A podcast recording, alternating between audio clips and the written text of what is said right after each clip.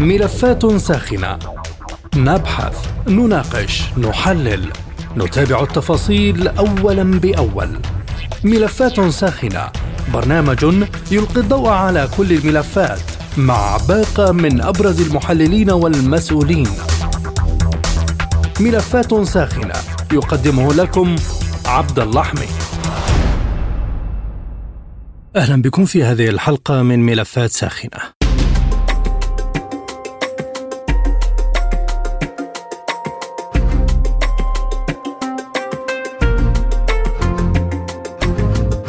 أعلنت السعودية اعتزامها بناء أول محطة للطاقة النووية في البلاد بغرض الإسهام في التنمية الوطنية. أكد وزير الطاقة السعودي الأمير عبد العزيز بن سلمان على حق بلاده في الاستفادة من التقنية النووية السلمية بما فيها دورة الوقود النووية واستغلال ثرواتها الطبيعية من خامات اليورانيوم تجاريا بما يتوافق مع المعاهدات والاتفاقيات الدولية ذات الصلة.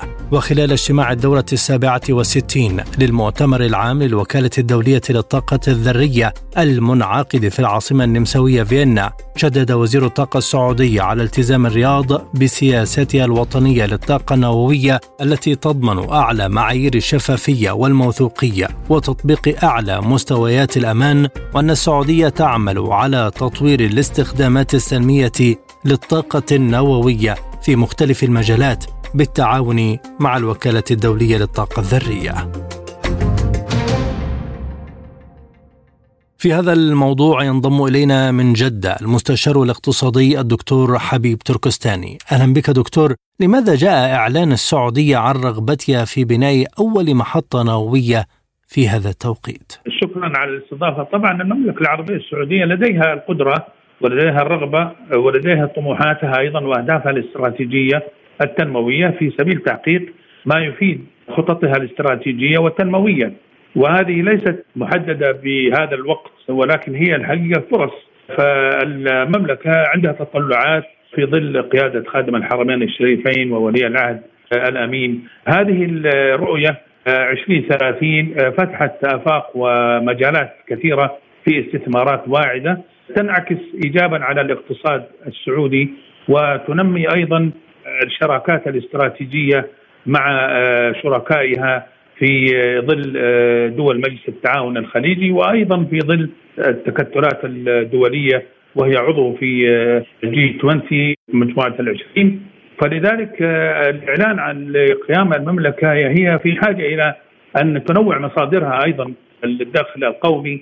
وهذه ليست فقط مركزة على قطاع واحد ولكن هي لديها أيضا الرغبة في إنها تستفيد من الطاقة النوويه في تغذية محطاتها الكهربائية وتصدير أيضا هذه الخدمات للدول المجاورة وجعل هنالك في اقتصاد مرن واقتصاد متنوع ومتميز. في سبيل تحقيق أهدافها الاستراتيجية التنموية. ما هي الأغراض التي تتطلع المملكة إليها من أجل التنمية الوطنية؟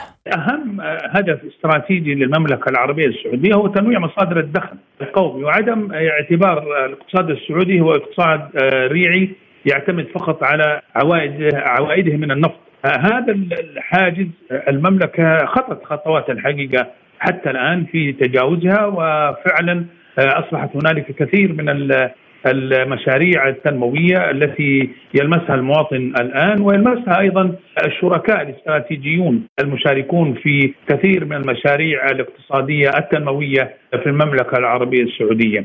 الغرض هو أيضا الوصول إلى تحقيق الرفاهية للشعب السعودي وتحقيق أيضا فرص عمل لاستيعاب مخرجات التعليم وتوفير الوظائف وتوفير الحياة الكريمة وأيضا جودة الحياة في ظل بيئة تنافسية تسمح أيضا للآخرين بالمشاركة في كثير من المشاريع التنموية.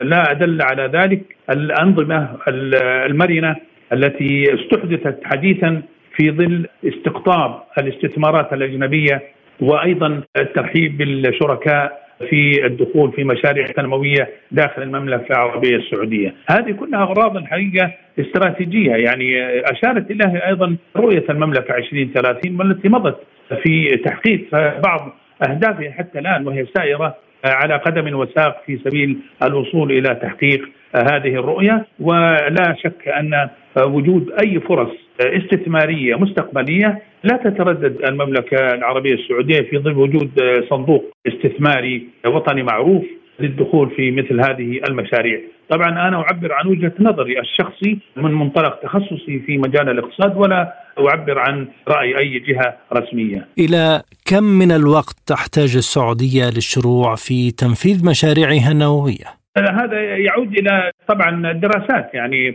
قضية الوقت هي ليست هي قضية مهمة بقدر ما هي الجدوى الاقتصادية من خلف هذا الإعلان ومن خلف هذا المشروع. اما الوقت فهو يفرضه الأهداف الأهداف التي تحتوي هذه الخطوات الجديدة في الدخول في هذا القطاع قطاع الطاقة النووية. فنحن بنقول إنه الوقت طبعا لا شك إنه لابد لكل مشروع له وقته وله ميزانيته أيضا وله إمكانياته وله محدداته وأهدافه التي تنتهي في وقت محدد، لكن نحن يهم يهمنا في أي مشروع هو أن تبدأ المشروع، أما تنتهي متى؟ فهذا طبعا زي ما قلنا يحكمه المتغيرات والظروف.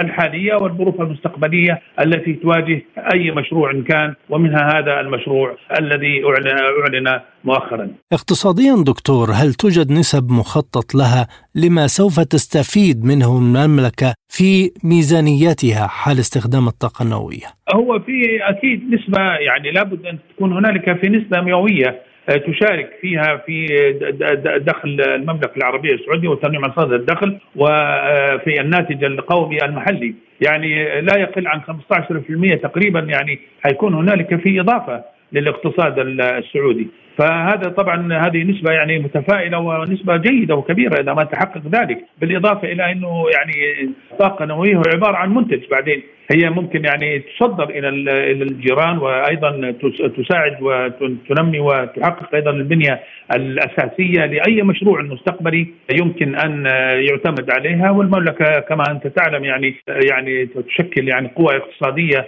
في المحيط العربي وهي لديها قدرة وإمكانيات في هذا المجال بالإضافة إلى خبرتها الكبيرة في هذا المجال. يعني نحن لا ننسى أن عندنا عندنا علماء في الطاقة في الجامعات السعودية وهم متخصصون في هذا المجال. وهذا أيضا إضافة علمية يعني تثري هذا الجانب وأيضا تنمي الكفاءات المتخصصة في مجال الطاقة النووية وهي قادرة على أن أيضا تعيد النظر في مكونات هذه الصناعة لكي تصبح المملكة في مقدمة الدول التي يمكن أن تعتمد على الطاقه النوويه في تحقيق ما ما تحتاجه من من مصادر طاقة. لمشاريعها التنموية المستقبلية وأيضا جيرانها حولها في في المحيط الخليجي والمحيط العربي وأيضا المحيط الإسلامي. على المستوى الإقليمي كيف تساهم الخطوة السعودية في العوائد الاقتصادية لدول الجوار والمنطقة العربية؟ يعني المملكة العربية السعودية معروف هي دائما تمد يدها للجميع. وهي الحقيقة يعني لها كثير من المساهمات مع جميع الدول العربية والإسلامية وأيضا الدول العالمية، فهي لن تتردد في إنها يعني تعتبر يعني قيمة مضافة لأي اقتصاد صديق قريب حولها يحتاج إلى يحتاج إلى الخبرات، يحتاج إلى المنتجات، يحتاج إلى الخدمات، لن تتوانى المملكة في تقديم هذا، فأي عمل تحصل عليه المملكة إنما هو مكسب الحقيقة ليس لها فقط ولكن لجيرانها أيضا ولاصدقائها واشقائها أيضا وعلاقاتها الدولية، فلا شك أن فعلا الدول المحيطة يعني وخاصة دول الخليج يعني تستفيد وهي تتكاتف مع المملكة في تحقيق هذه الأهداف. حتى يعني تعم الفائدة والاقتصاد الخليجي كما تعلم هو اقتصاد واحد واقتصاد متقارب ومتشابه ومتحد ورؤيته متقاربة ومتشابهة وطموحاته أيضا لا تشد عن بعضها البعض. فلذلك هذه طبعا لا شك ان لها انعكاسات إيجابية على الجيران من الأصدقاء ومن الدول الصديقة العربية والإسلامية وأيضا المحيط الدولي. شكرا جزيلا لك دكتور حبيب تركستاني المستشار الاقتصادي السعودي كنت معنا من جدة. من الرياض ينضم إلينا الكاتب والباحث السياسي دكتور مطير الرويحلي. أهلا بك دكتور، بداية ما الأهداف التي تسعى إليها الرياض من إنشاء محطة نووية؟ أهلا وسهلا أحييك وأحيي المستمعين إلى برنامجكم. بالنسبة طبعا لكلنا نعرف إنه الأهداف في المقام الأول لأي دولة هي تكريس حماية مكتسباتها الوطنية وتقوية موقفها السياسي والدبلوماسي والاقتصادي وامتلاك هذه الأسلحة هذه النوعية هي بلا شك منتجات سلمية واستخداماتها سلمية كما أعلن سمو وزير الطاقة. وللأسف إنه يذهب لبعض أو يذهب عندما نتكلم عن عن انشاء محطة نووية يذهب يذهب فكر بعض المحللين إلى أنه الاستخدام العسكري أو الاستخدام الأمني لامتلاك قنبلة نووية وإنما الآن كلنا نعرف إنه استخدامات الطاقة النووية النظيفة و يعني كيف توفر الطاقة ومساهمتها بالاقتصاد والناتج المحلي وكذلك معالجة الأمراض وكذا. فالهدف الأساسي وهذا معروف يعني إن المملكة تسعى في هذا المقام كهدف أساسي هو المشاركة في التنمية هو تنويع مصادر الاقتصاد ومصادر الطاقة ولا عيب ولا غرو في أن يكون لأي دولة إن تمتلك سلاح رادع ولكنه ليس هذا وقته يعني ما أعلن عنه هو محطة نووية سلمية. وفق شروط ومتطلبات منظمة الطاقة الدولية ووفق مخرجات القرار 1995 المنظم لهذا الشأن. لكن يعني امتلاك الدول كلنا نعرف أن الدول تمتلك هذا السلاح وتمتلك القنبلة والروس النووية، على سبيل المثال الجاره القريبه اسرائيل تمتلك ما يزيد عن 100 راس نووي حربي، كلنا نعرف إنه إيران وصلت في تخصيب اليورانيوم كما وديع إلى نسبة 80% وهي نسبة قريبة أو كافية لإنتاج سلاح نووي، وأعلن سمو سيدي ولي العهد إنه عندما سئل عن إذا امتلكت إيران السلاح النووي ستمتلكون السلاح النووي، قال هذا حق مشروع. ومن حقنا إنه نمتلك كما يمتلك من يجاورنا أو من يعني الدول الإقليمية المجاورة. هل سيقبل المجتمع الدولي برأيك تنفيذ تطلعات الرياض في ظل رفض توسع السلاح النووي؟ أنا أعتقد أنه طالما هذا هذا هذا المشروع يفي بمتطلبات الطاقة الذرية وكالة الطاقة النووية الذرية التي وقعت عليها الدول ووفق يعني سياسة هذه المنظمة لا أعتقد أن هذا البرنامج سيواجه أي معارضة أو أي رفض من أي دول إقليمية وخصوصا أنه نعرف أن جميع الدول سواء أمريكا والدول الغربية أو روسيا والصين هي دول تدعم استقرار المملكة وتدعم تطلعات المملكة الاقتصادية والسياسية. لا يعني يمكن بعض الدول لو يعني كلم إيران الدول الغربية لها موقف من البرنامج، هذا الموقف تولد نتيجة خروج البرنامج عن مساره الطبيعي ومساره السلمي، لكن الرياض توجهها سلمي وتوجهها للطاقه النظيفه، وهذا التوجه يتماشى مع سياسة الطاقه الذريه ولا أتوقع أنه يلقى هذا ولا ولا أعتقد يستطيع القول أنه لا أعتقد أن المملكة أعلنت واعلن سمو وزير الطاقة عن إنشاء هذا المصنع إلا أنه بعد يعني تشاور مع الدول المؤثره والدول الفاعلة في هذا الموضوع. ماذا لو رفضت الدول الكبرى خطوات الرياض النووية؟ هل لديها بدائل؟ اولا لماذا نفترض هذا الافتراض؟ أنا سبق أن قلت في معرض حديثي أنه لا أتوقع أن المملكة تصل لهذه الخطوة أو لهذه النتيجة ولهذا القرار إلا بالتنسيق وبالدعم الكامل من الدول المؤثرة والتي يعني لقرارها أو لموقفها تأثير على يعني امتلاك هذا النوع من المصانع. لا أعتقد أن المملكة يعني لم تنسق ولم تشاور. وخصوصا في جانب أو في وقت يأتي هذا الإعلان في وقت المملكة صفرت أغلب مشاكلها الإقليمية خصوصا مع إيران المناكف وال يعني التي لها مشاكل سابقة معها. اعلن سمو سيدي كذلك عن بداية مداولات لتطبيع مع إسرائيل وهذه الدول ومن ضمنها أتوقع إنه من ضمن هذه الشروط أن المملكة تمتلك يعني هذا النوع من من التقنية وهذا النوع من المصالح. الجاره إيران تملك مشروعا نوويا، لكن الولايات المتحدة عرقلت تنفيذه. إلى أي مدى ستكون السعودية واثقة في الدول الغربية إذا وافقت على الرؤية السعودية بأنها لن تتراجع عن اتفاقها؟ أتوقع إنه ربط يعني أنا إحنا اتفقنا من حيث المبدأ إنه لم يعلن عنه إلا بعد أخذ الموافقة، لكن كلنا نعرف إن الظروف تتغير ومعطيات السياسة تتغير ليست ثابتة والمصالح تتغير كذلك، لكن ما إذا كان هذا البرنامج استمر على يعني ما هو عليه وعلى المتفق عليه بأن يكون برنامج سلمي وطاقة نووية نظيفة. والمملكة تعرف يعني هي مخزون للطاقة التقليدية والطاقة النظيفة. وسمو سيدي يعلن عن سياسة المملكة في آه، الطاقة النظيفة والهيدروجين الأخضر. هذه الطاقة لا بد لها من مفاعلات ولا بد لها من مصانع تنتج هذه الطاقة. والمملكة تعرف تملك يعني مقومات هذه الطاقة. فلا أعتقد يعني أن الموضوع سيخرج أو يواجه رفضا بعد أن لقي قبولا. وكلنا نعرف إنه يعني الطاقة النووية النظيفة وامتلاك السلاح النووي. دول زي ما قلت لك مجاور تمتلك رؤوس نووية. دول لديها زي فرنسا أكثر من 300 راس نووي.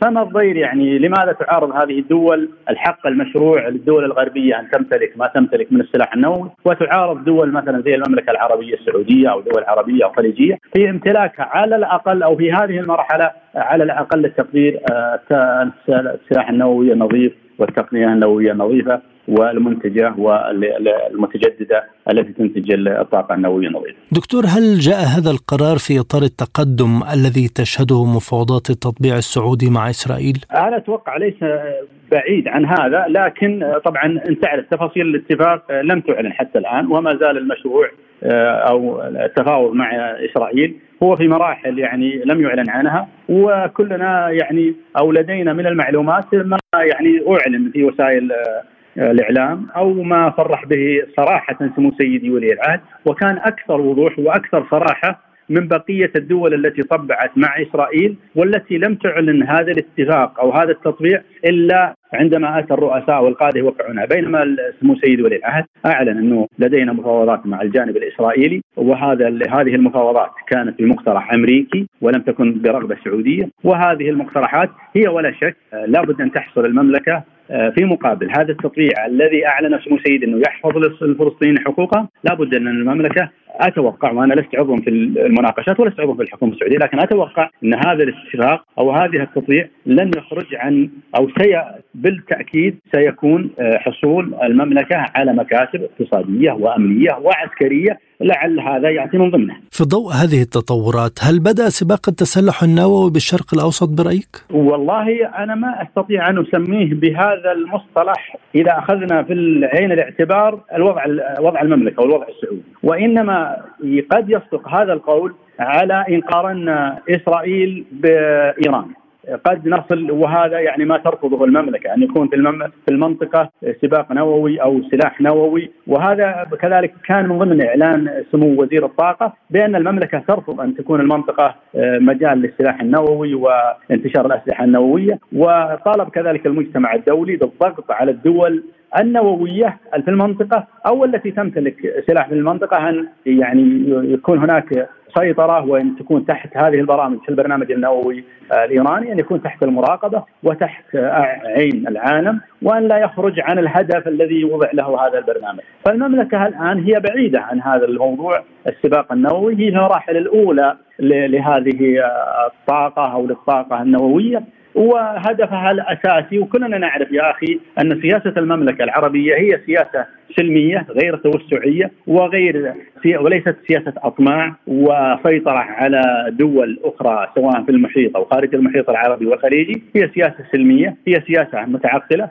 وتنظر إلى مصالح المملكة في الدرجة الأولى ولا تنظر يعني ومن يحرص على امتلاك السلاح النووي هو من يشعر بالخوف، هو من يشعر آه، أو لديه رغبة آه، في التوسع ولديه رغبة في يعني أن يكون يمد أذرعه إلى الدول الخارجية، وإنما سياسة المملكة العربية هي سياسة متزنة وسياسة متعقلة. وأنا أتوقع انه هذه السياسة المتزنة والمتعقلة هي ما دعت الدول بأن يعني أو أن يكون هذا الضوء الأخضر للمملكة في انشاء هذا المصنع، المصنع ما زال في مراحله الأولى والمملكة دائما ترفض السباق السلاح النووي وانتشار الأسلحة النووية في منطقة الشرق الأوسط من أي كائن ومن أي دولة سواء هذه الدولة. وكلنا نعرف زي ما قلت في السابق إنه إيران وإسرائيل هما من يمتلك يمتلكان هذه التقنية من الأسلحة والسلاح النووي. وأما المملكة فهي في المراحل الأولى. وأعلنت المملكة. والمملكة دائما صريحة فيما فيما تخطط له أو فيما يعني تكرسه على أرض الواقع هي واضحة وسياسة يمكن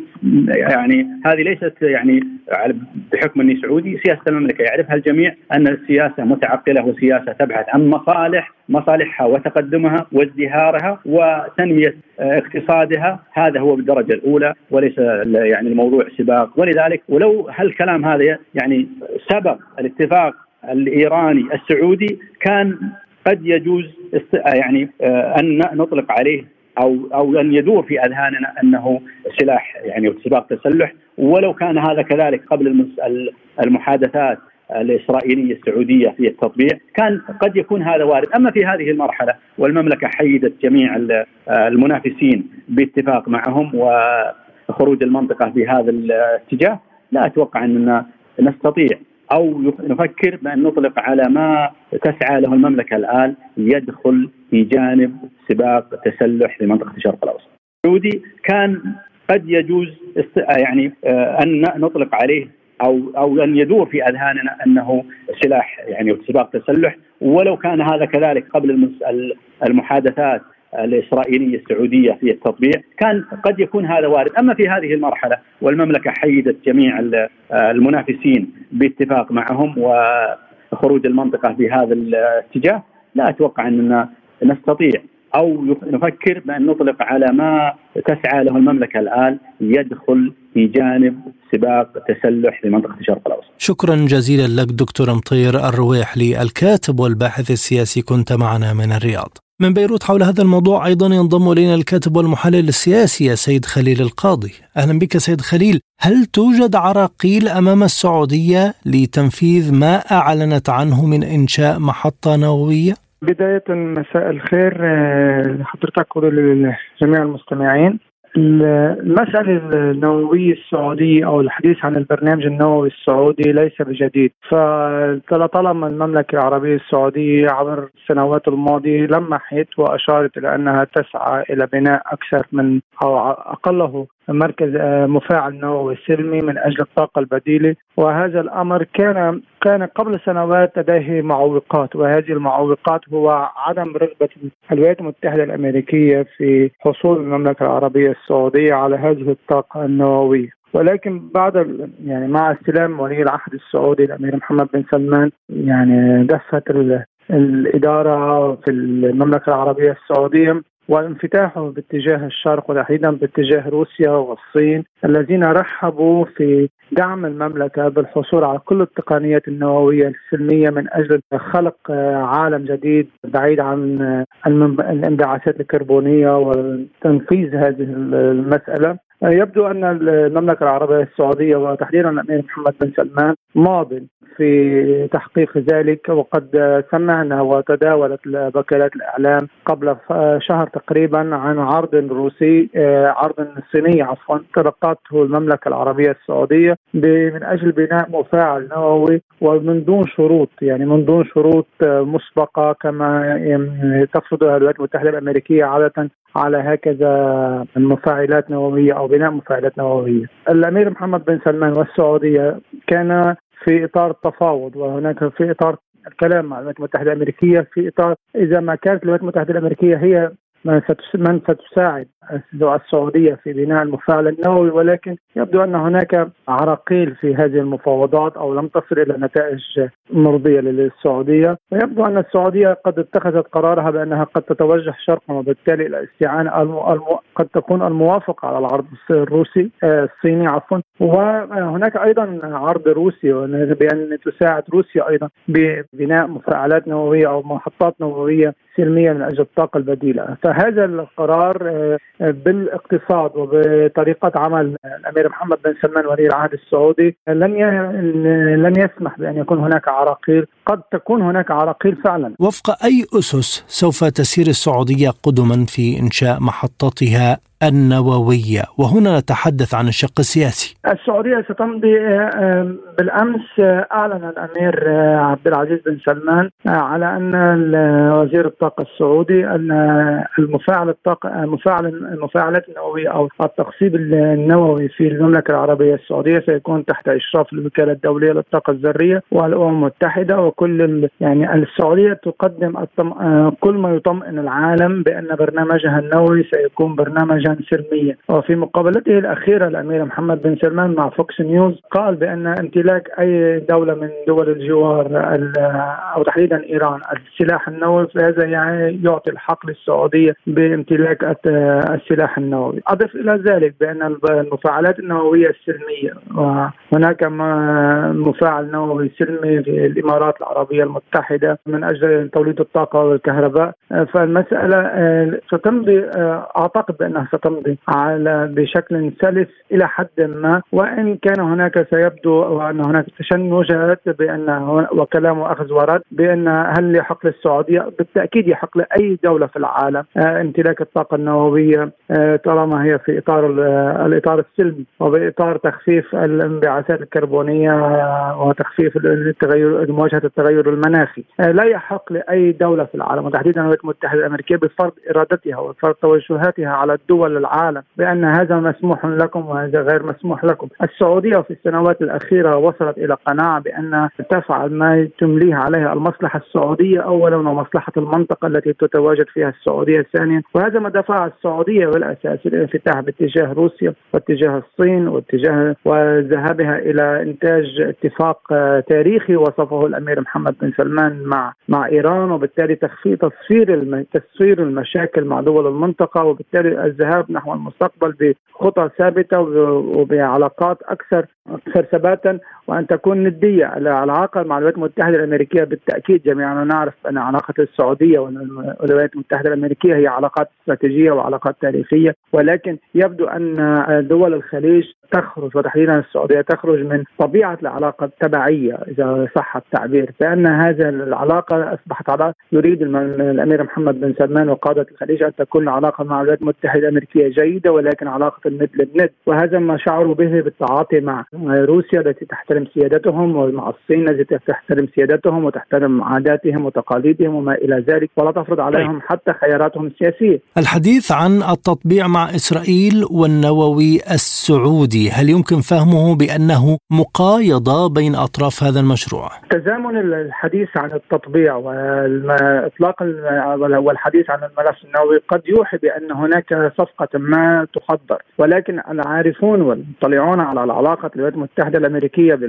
تحديدا إدارة بايدن مع ولي العهد السعودي أعتقد ومن إطلاع والتواصل مع بعض المصادر في المملكة الأمير محمد بن سلمان رغم سعي سعيه إلى امتلاك الطاقة النووي رغم كلامه كانه يعني هو هو أساسا منفتح نحو السلام. ماذا عن ردود الفعل في المنطقة خاصة وأن المشروع النووي الإيراني معلق حتى الآن؟ أعتقد بأن هناك سيكون من بعض الدول ترحيب تحديدا بعض الدول العربية سيكون لديها ترحيب بهذه الخطوة وهذه الخ... حتى حتى الجمهورية الإسلامية في إيران. لن تكون معترضة على لن تكون لن تعترض على على البرنامج النووي السعودي طالما انه لا سلمي لأن برنامجها بالأساس سلمي ومن يتعرض إلى الظلم لن يسمح بأن يمارس ظلم على أحد آه، من جيرانه بنفس الطريقة ونفس الموضوع. أعتقد أن القلق سيبدأ من الجانب الاسرائيلي لأن الاسرائيليين سيبدون قلقهم وسيحاولون هم سيحاولون عرقلة المشروع النووي الإسرائيلي السعودي من خلال الضغط على الولايات المتحدة الأمريكية بعدم الموافقة. إذا كانت الولايات المتحدة الأمريكية هي من هي من تقوم ببناء المفاعل النووي السلمي. حينما تتضح إذا كانت روسيا والصين كدول في الشرق هم من سيساهمون ومن سيدخل إلى الاستثمار في قطاع الطاقة النووية في في السعودية حينها سنرى الاعتراض الأول سيظهر من الجانب الإسرائيلي. شكرا جزيلا لك سيد خليل القاضي الكاتب والمحلل السياسي كنت معنا من بيروت. شكرا جزيلا لكم مستمعينا الكرام على طيب المتابعة إلى اللقاء. مستمعينا بهذا نصل وإياكم إلى نهاية هذه الحلقة من برنامج ملفات ساخنة. طابت أوقاتكم وإلى اللقاء.